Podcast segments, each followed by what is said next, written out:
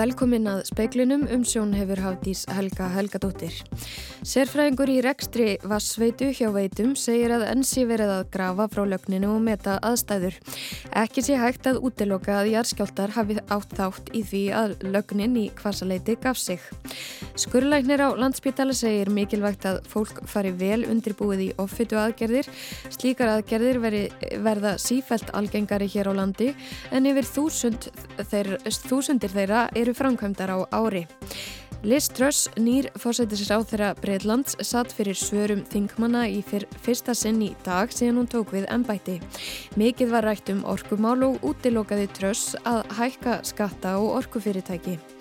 Ottviti miðflokksins í Múlaþingi telur að ný veglína sem á að minka umferði í gegnum miðbæ Egilstaða og leiða hana söður fyrir bæin skerði fallegt byggingarlag til framtíðar.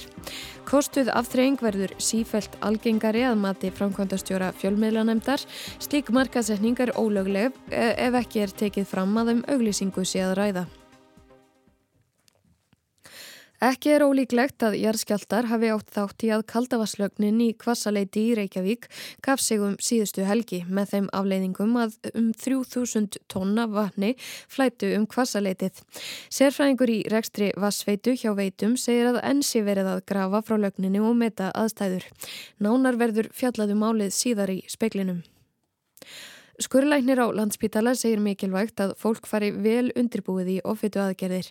Það er geti aukið lífskeiði fólk sem þurfi á þeim að halda til muna. Offitu eða etnaskipta aðgerðum hefur fjölgað hratt hérlendis á síðustu árum. Um 1100 aðgerðir eru framkvæmdar árlega, auk þess sem fjöldi íslendika fer í slíkar aðgerðir erlendis. Flestar aðgerðirnar eru framkvæmdar á klínikinni í Ármúla, þar sem sjúklingar þurfa ekki að uppfylla neyn ákveðin skilirði til að fara í aðgerðina. Á landsbytala þurfa sjúklingar að fara í sérstakt undirbúningsferðli á Reykjalundi og hafa þingdarstöðul yfir 35. Bjarni Geir Viðarsson er sérfræðingur í kviðarhóls skurðlækningum okkar reynsla er svo að, að fólk hafi gott af því að fara í gegnum þennan undibúningsferil áður en farið er að ræða um, um mögulega aðgerð og þetta kemur fólki einnig til góða eftir aðgerð þegar það er að fara að takast á við e, sjálfa aðgerðna og læra að lifa með henni að vera vel undibúið fyrir aðgerðna þannig að við teljum þetta að vera mjög mikilvægt atriði fyrir aðgerð. Um þrjúbróst þeirra sem fari í efnaskipta aðgerði geta fengið alvarlega fylgjikvilla sem leiða til spítala innlagnar. Við sjáum náttúrulega ymsar fylgikvilla eftir þessar aðgerðir og, og þeir sem kannski sækja sér aðgerði fyrir utan spítalan samankort að þessi hér að landi eða annar staðar fá náttúrulega fylgikvilla eins og aðrir og, og, og það er náttúrulega alveg á hreinu ef að fólk sem að er með lágan þingdarstuðul og fyrir aðgerðin og léttist mikið það getur náttúrulega lendi í ímsum vandamálum með það til dæmis að lendi í ákveðinu næringarskortu og öðru slíkur. Hann segir mat spítalans vera að fólk þurfa eiga raunverulegt erindi til að fara í aðgerðina. Það geti haft mjög jákvæð áhrif á þau sem eru rétt valin í þær. Oft ganga áhrifin eins og til dæmis hár blóðþristingur og, og sík og síki geta gengið tilbaka að vissu leiti eða miklu leiti og það er talið að þeir sem fari þessa aðgerð þeir græði líf ár fram yfir þá sem ekki fari aðgerð, það sem er talin ábending á aðgerð. Sæði Bjarni Geir Viðarsson og urður auðlegstóttir tók saman. Liz Truss, ný, nýjum fósættisráðara Breitlands, þótti far, farast vel úr hendi að svara óundirbúnum fyrirspurnum þingmanna í fyrsta sinn í dag. Ný ríkistjórn er sögð ætlað að kynna aðgerðapakka vegna ört hækandi orkuverðs á morgun.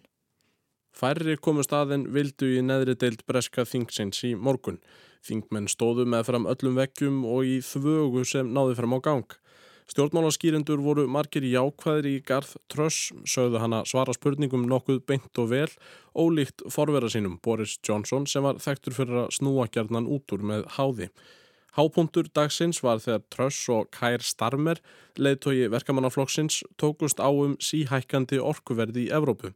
Starmer skaut fast á nýja fórsetisráþarann og sagði hann að halda skjólshendi yfir orkufyrirtækjum sem tæki út metarð á meðan almennir borgarar greitu sífælt hærri orkureikninga. Á morgun kynir tröss aðgerðir ríkistjórna sinnar til að niðurgreiða orkunótkun heimila í landinu.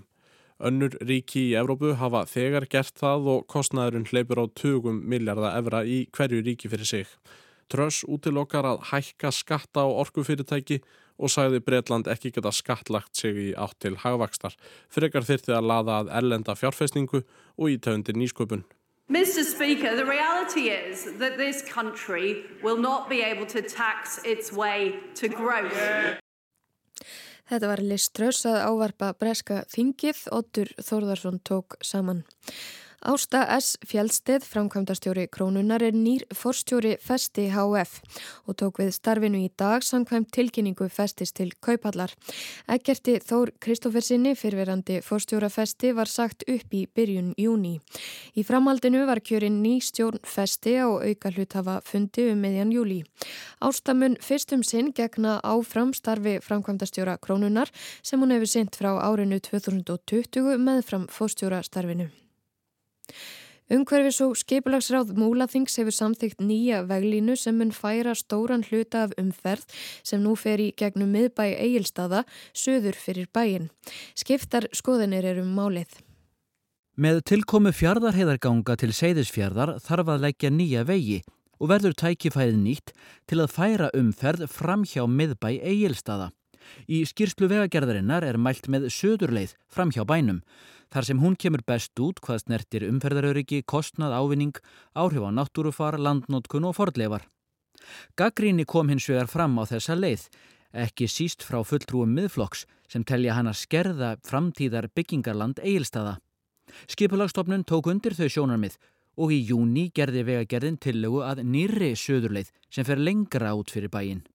Umhverfis og skipulagsráð Múlaþings hefur nú samþygt fyrir sitt leiti að súleið verði valinn.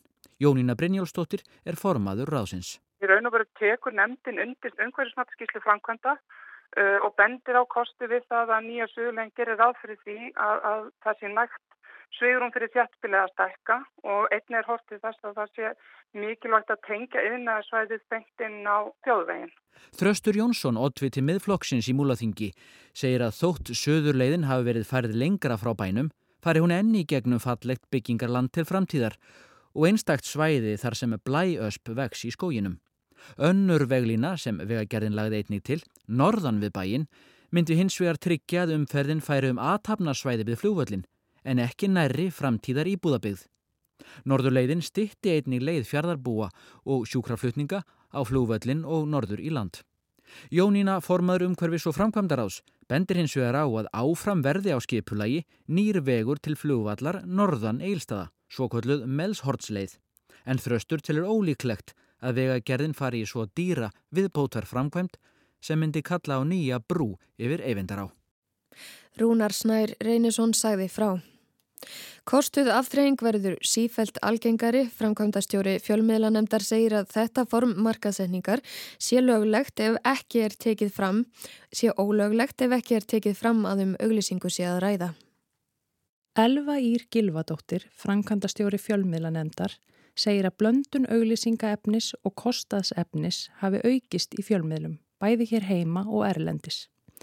Kostuð afþreying er þegar afþreyingarefni er framleitt sérstaklega í auglýsingaskinni og kostað af auglýsendum sem koma vörum sínum á framfæri í gegnum efnið. Elva segir að margir nenni ekki lengur að horfa auglýsingar og því finni auglýsendur aðrar leiðir til að koma vöru sinni og þjónustu á framfæri.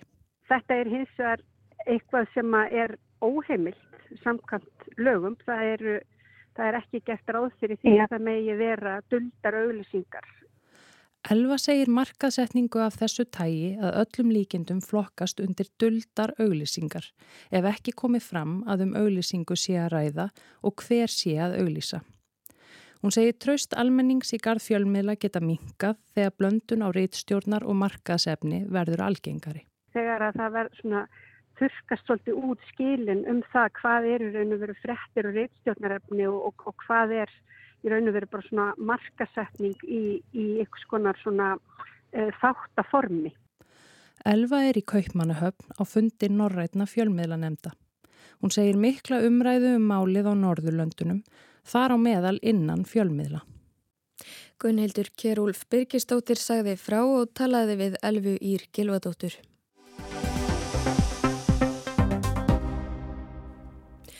Töluvert tjón var þegar að önnur af aðalvassæðum veikna fyrir borgina brast í síðustu viku. Næstum 3000 tonn af vatni lágur leiðslunni sem er 60 ára gömul. Stór hluti lagnakerfis höfuborgarsvæðisins er yfir hálrar aldar gamalt. Er það áhyggjuefni? Solrún Kristjánsdóttir er framkvæmda stýra veikna og hrefna Hallgrímsdóttir forstöðumadur hitaveitu við fyrstu sín þá virðist vera að lögnin hafi gefið sér samskeitum að það hafi gefið sér svona samsetninga muffa sem er utan um lögnina.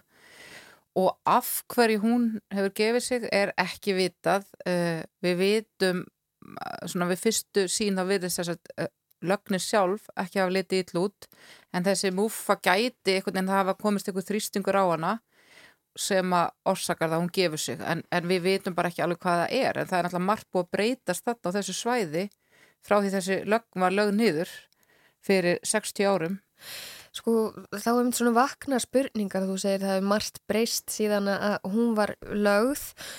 Hér á höfuborgarsvæðinu eru allt frá hvað 100 ára gamlar lagnir sem að mhm. eru að veita til og frá húsum væntarlega ekki lagðar með þann mannfjölda í huga sem eru núna notast við kerfið. Sko, hvað er framöndan í þessum málum? Við, sko, þarf að ráðast í ykkur svona rosalegar framkvæmdir til þess að annar reynlega þéttingu byggðar og, og öllu því álægi sem fylgir?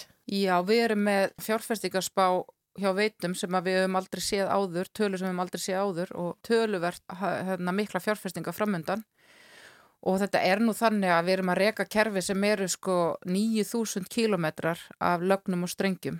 Þetta er ekkert smá viðfönd kerfi sem er með uppitíma upp á næstu því 100%. Þannig kerfi er að standa sér rosalega vel, bara mjög vel. En við erum í stanslusum breytingum í borgarskipulagi og svæðana þar sem við vinnum í rauninni eða þar sem við, hérna, lagninar okkar eru og þar þarf þá að fara í ýmsa breytingar til þess að lagninar í rauninni getur komið að notum það sem það þurfa að vera og það er svona eilift viðfáðsefni en núna, sérstaklega núna þá er mikill vöxtur á okkar svæði. Eh, svona við getum sagt það er hérna líka ákveðin stefna í svona varandi þetta ykkur byggðar sem er að skapa áskorunni fyrir okkur. Við þurfum að vera að færa töluverta okkar stóru lögnum til og við þurfum að vera að styrkja stopp lagninnar okkar út af því að það er þjætting e, það er vöxtur á svæðinu þannig að já, það er töluverða fjárfestinga framöndan Mm -hmm.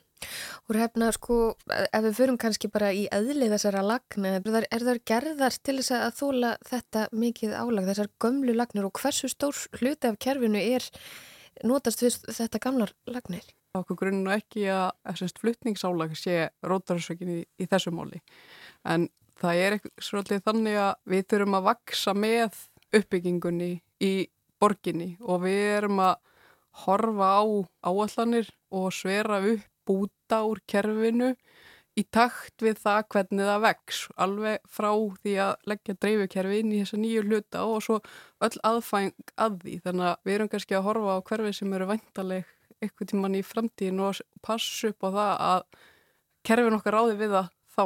Þessar gömlu lagnir, er þetta stór partur af í rauninu þeim lögnum sem við erum að treysta og eru, eru þær að komast á aldur ef svo maður segja?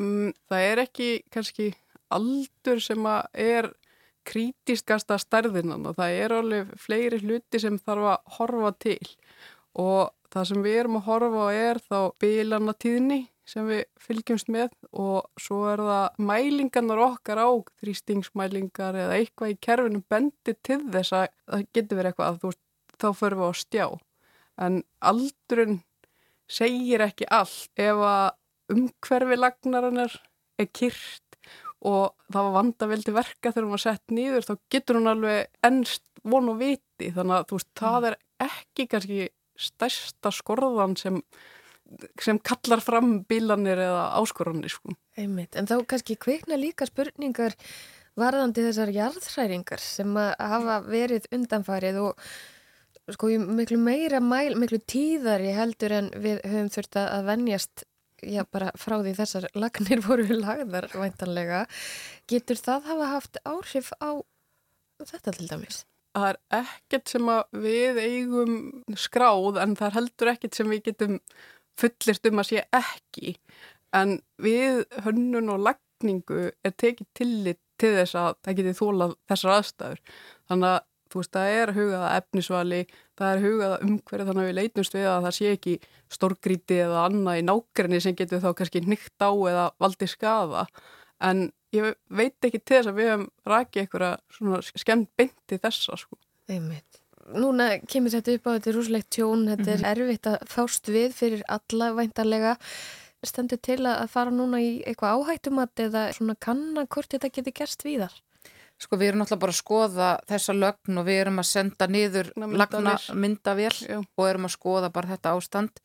Það sem að við erum náttúrulega bara er, með, er svona vöktunarkerfi. Við erum að vakta lagninnar okkar eins og hrefna nefndi áðan. Við erum með hérna, vöktun á öllum okkur lögnum eða verður eitthvað skindilegt trýstingsfall þá er við að bregðast við og skoða hvað er í gangi, við erum uh, með góða vöktun en við erum ekki með sjá, við erum ekki með sérst, augu á lögnunum, þar eru neðanjarðar það er áskorun að þeir eru niðanjörðar og við erum með 9000 kílometra af lögnum og við getum ekki verið að grafa þar upp á óþörfu því það fylgir okkur gríðalegt rask. Það er í rauninni ekki vel farið með fjármunni og við meigum í rauninni ekki fara þannig með almanna fyrir að við skiptum um lagnir sem er ekki komin tíma á skiptum. Þetta kostar mikla peninga að, að hérna, emdur nýja lagnir Á, og, en við endunjum að sjálfsögðu alltaf þegar við telljum að sé þörfa á endunja. Fólk hafi velti fyrir sér hvers vegna tók þetta langan tíma að skrúa fyrir, mm -hmm. hvaða var hálftími eða, mm -hmm. eða hvað sko og en á saman tíma einmitt eh, sér maður sérfræðing að tala um að það er alveg rúslega erfitt fyrir kerfið að það sé skrúað allt hennu fyrir svona mikinn ströym. Sko hefur þetta haft einhverjar afleðingar í kjölfarið? Sem betur fyrir náttúrulega bara erum við náttúrulega rosalega ríka mannuð og þekkingu upp í veitum. Þannig að fólki þar sem betur fyrir kann að skrúa fyrir svona kerfi. Við erum bara rosalega heppin með það. Þannig að það, nei, þetta hafði ekki afleðingar fyrir kerfið. Og í rauninni höfum við skoða myndir sem sín okkur að kerfið annars e, vassnótkun mjög vel. Og það er rauninni sér valla högga vatni sko, við skulum orðaða þannig sko, e, eftir að lögninu tekin úr. En þetta er bara öryggismál að hafa tvær lagnir. Það er mikið örgismál fyrir okkur í borginni því að ef að hinn lagnum fyrir út þá erum við í rosalega slæmum málum til dæmis bara eða kæmu eldur. Þannig að það er örgismál fyrir okkur að hafa þessar lögn í rekstri og þess vegna erum við náttúrulega að vinna að því að setja hann á stað sem fyrst en samt sem áður að vera búin að skoða hana vel og vera vissum að við getum sett hana á öruganhátt aftur í nótkunn. Mm -hmm. Er eitthvað hægt að bregðast ræðar við svona atviki? Við erum nú búin að fara vel yfir þetta og ég held ekki miða við hvernig kerfið er hannað, þú veist, kerfið er ringkerfi sem er oflangt mál að fara út í en miða við hvernig bara kerfið er hannað og þá er ekki hægt að gera þetta hraðar. Og ég held þetta að sé í raunin að þú hugsa um það bara sko krafturinn á vatninu sem eru að koma úr heimörk ég veit ekki alveg hvernig væri hægt að hanna kerfi sem væri hægt að stoppa mjög snögglega án þess að einhverjar lagnir myndi þá springa með því skilur, að því að kæmi svo mikið högg. Þetta er bara svona, þegar þú ert að vinna með vatnundi þrýsting og með svona gríðarlega mikið flæði þá þarf að gera þetta varlega. Eru einhver svona sérstök svæði eða, eða hérna, já, aldur eða, eða gerðlagnar sem þarf sérstaklega að hafa hugan við akkurat núna? Sko, sum, hérna, við erum alltaf með enduníðan áallin bara svona út frá eins og allum þessi lögn sem að fór þarna yfir 75% af henni það er búið endun í hana. Þannig að hérna, við erum búin að endun í að fjóra kílometra af 5,7 kílometrum af þessari lög sem var lögð hérna 1960 þannig auðvitað erum við alltaf endun í að eitthvað sem bara er á e, áallin hjá okkur. Við reynum til þess að vera ekki að raska of oft svæðum af því það er óþægandi fyrir íbúð þegar við þurfum að raska. Þá reynum við að fylgja til dæmis sveitafélagunum og þessu tilfelli til dæmis var, er fyrirhuga það er mikla breytingar á kringlureitnum framöndan og við vildum ekki fara að raska þessum reit líka út af því að það var engin, enga vísbendingar um að þess þyrti og þurfa svo aftur að koma og raska aftur þegar það væri búið að klára hanna svo kallan kringlurreitt þannig að við reynum líka að fylgja aðeins svona sveitafélagunum í, í þeirra fyrirallanum á endanum er þetta bara þannig að það var gert þarna allt eins vel og við gátum teljum við í þeim aðstæðan sem við vorum uppi en það breytir því ekki að þarna er bara fólk sem verður fyrir tjóni og bara verulegu tjóni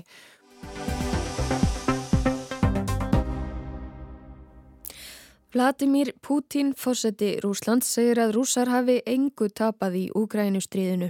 Hann vísar því á bug að þeir hafi átt upptökin. Grípa hafi þurft til sértækra hernaðar aðgerða til að venda íbúa á Donbassvæðinu í austurluta Úgrænu. Putin kom víða við þegar hann flutti ávarp og satt fyrir svörum í dag á efnahagsraðstöfnu Austrætna ríkja, EEF, í Ladivostok við Kirrahafströnd Rúslands. Ég dæmur stú úvíðan ничего мы не потеряли и ничего не потеряем. Ég held að ég sé vissum að við höfum engu tapað og eigum ekki eftir að tapa neinu, saði forsettinn. Ég tel að helsti ávinningur okkar verði sá að fullveldi okkar styrkist. Öðvitað á sér stað skautun, bæði innanlands og utan, en ég trúið því að það verði til gagns. Putin bættið því við að rússar hefðu ekki átt upptökin að neinum hernaðar aðgerðum í Úkrænum. Er hófust eftir valdaránið árið 2014.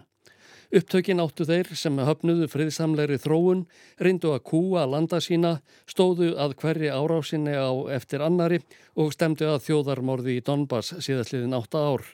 Eftir að hafa reynd að greiða úr ástandinu á friðsamlegan hátt án árangurs var næsta skrefið að beita vopnavaldi. Allt sem við gerum miðar að því að hjálpa fólkinu í Donbass. Það er skilda okkar sem við stöndum við allt til enda.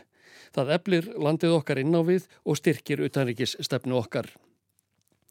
Að mati vestrætna fréttaskýrenda fór fórsetin frjálslega með staðreindir þegar hann fullirti að rússar hefðu engu tapað vegna innrásarinnar í Úkrænu. Þvert á móti hafi stjórnvöld viður kent að rúsneski herin hafi mist fjölda hermanna og að herrgögn hafi farið forgörðum. Þá hafi rússar mist veriðingu vestrætna ríkja og að efnahagsvandi þeirra hafi vaksið eftir innrásina í februar. Pútin viður kendi á ráðstefnunni að rússar ættu við vissa efnahagsörði við leikað stríða um þessar myndir en jákvæð teikn væru á lofti. Rússar spravljætsa s ekonomískri, finansívi og teknológiskri agressíi Západa. Ég Rússar glíma við efnahagslegan, fjármálalegan og tæknilegan yfirgang frá Vesturlöndum, sagði fórsetinn. Ég tala um yfirgang. Það er ekki hægt að nota annað orð um framferðið þeirra. En rúsnarskur gjaldiris og fjármálamarkaður hefur verið stöðugur.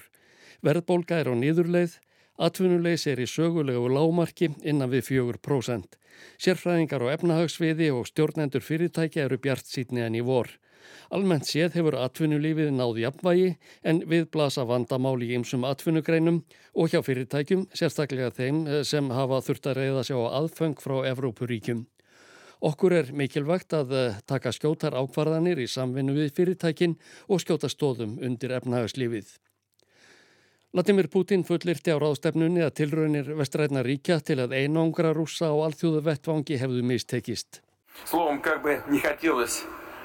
кому-то изолировать Россию, сделать это, как мы и всегда об этом говорили, не... Það skiptir engum máli hversu mikið sumir leggja áslið til að einangra Rúsland. Það er ómögulegt eins og við höfum alltaf sagt, sagði Putin. Það er nóg að líta á heimskortið. Við ætlum að halda áfram að byggja upp innvið okkar, stekka netvega og hjárbröta og bæta aðstöðu við hafnirnar. Áherslan verður aðalega lögð á uppbyggingu í austur hlutalandsins og að bæta tengingu norður-söður landsvæðisins. Við ætlum ekki að gleima höfnunum við Svartahaf. Þetta opnar tækifæri fyrir rúsnesk fyrirtæki að sækja inn á markaði í Íran, á Indlandi, í miðausturlöndum og Afríku. Og auðvitað fá fyrirtæki frá þessum svæðum tækifæri til að eiga viðskipti við okkur, saði Latimir Putin. Hann kom enn víðar við í áorpi sínu á efnahagsráðstefnu Austrætna ríkja í dag. Hann gerði meðal annars lítið úr hugmyndum G7 ríkjana svonemdu um að setja þak á verðið á ólíu frá Rúslandi.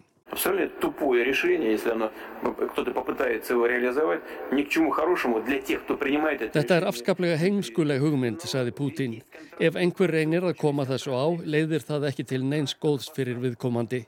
Þetta snýst allt um að uppfylla gerða samninga. Hvaða pólitískar ákvarðanir er hægt að taka sem stangast á við viðskiptasamninga?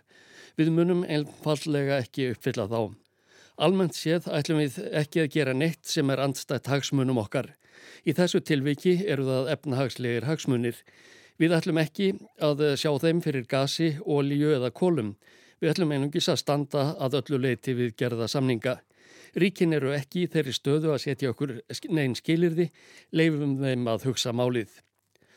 Þá fullirti Pútín að nánast allt kornmeti sem flutt hefur verið frá Úkrænu samkvæmt samningum við saminuðu þjóðirnar hafi verið flutt til ríkra Evrópuríkja.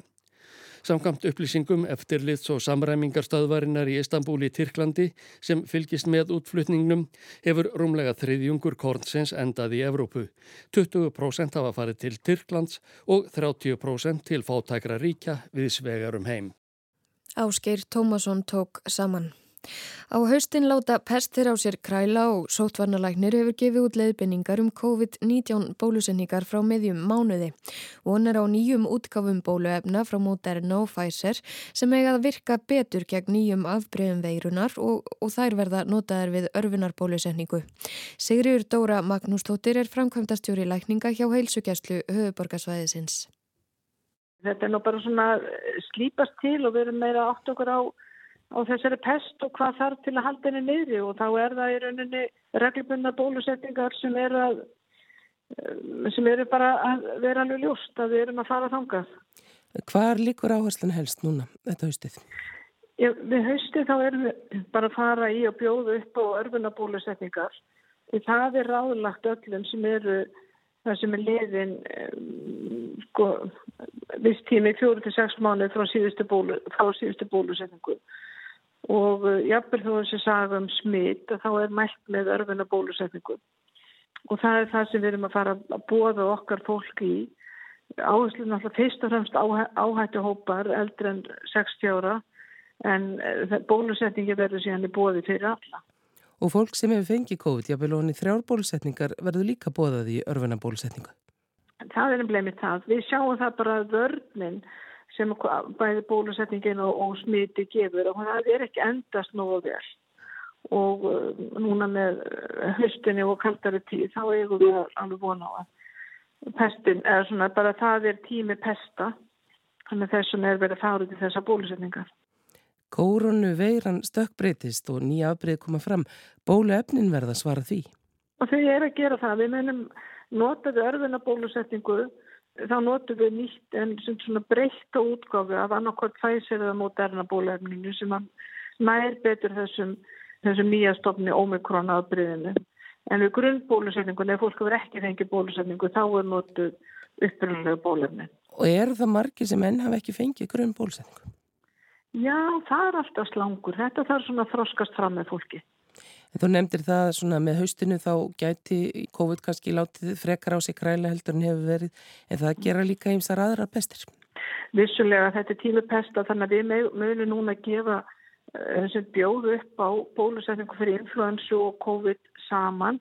Byrjum að hóknum 60 ára eldri og við erum þar búin að fá eftir skjól í lögatarsöllinni bóða fólk þangað í bólusetningu. Það getur það valið hvort það vilji bara influensabólusetningu eða COVID-bólusetningu eða hvort tveggja því það má gefa þetta saman. Þannig munum við taka um, um, mjög marga veintanlega opna í lók, lók september og byrjun oktober byrjun þarna 27. september. Og þá getur fólk vali bara hvort það vilja eina eða tvær bólusetningar og síðan eftir þennan tíma þá ból, færast bólusetningarnar út á hilsugjelstöðunar og þá getur fólk á sama hátt valið þar hvort það fær bara COVID-bólusetningu eða influensu eða, eða hvort tvekja. Og þið gerir ráð fyrir stóri bólusetningastöðu í lögadalunum aftur til þess að byrja með? Já, við erum að horfa það því það bara gafst vel og þetta er gríðilegt álag á hilsugjelstöðunar og náttúrulega húsakostum ísminandi og þetta bara hefur gefist vel að bara samna öllum saman og uh, þannig að við verðum þarna með tvær vikur fólk mun fá bóð um svona að bólusettingi sé í bóði þessa tvær vikur. Og það er eins og að þú sagði fyrst og fremst 60 ára eldri. Sem við sjáum að er ekki nýlega búin að fá bólusetningu til fá bóð og, og síðan verður bara almenna auglýsing fyrir alla. Hefur verið mikið álag á hilskjastlunum núna bara síðustu vikur? Já, það eru komna höstpestar. Það er bara árvist þó að verði sér gott og þá eru komnir höstpestar og ábyggileftur að bæta í þannig að við finnum ekki fyrir því en erum jafnframt svona að reyna að benda fólki á að það sé nú best að bara vera heima og fara vel með sig og láta þetta gangi yfir. En það var sem sé sendt út bóð núna um miðamánuðin? Það verður sendt út bóð þegar þetta nálgast og verður auðvist líka og þannig við byrjum í höflinni 27. september í tvær vikur fyrir áhættu hópa.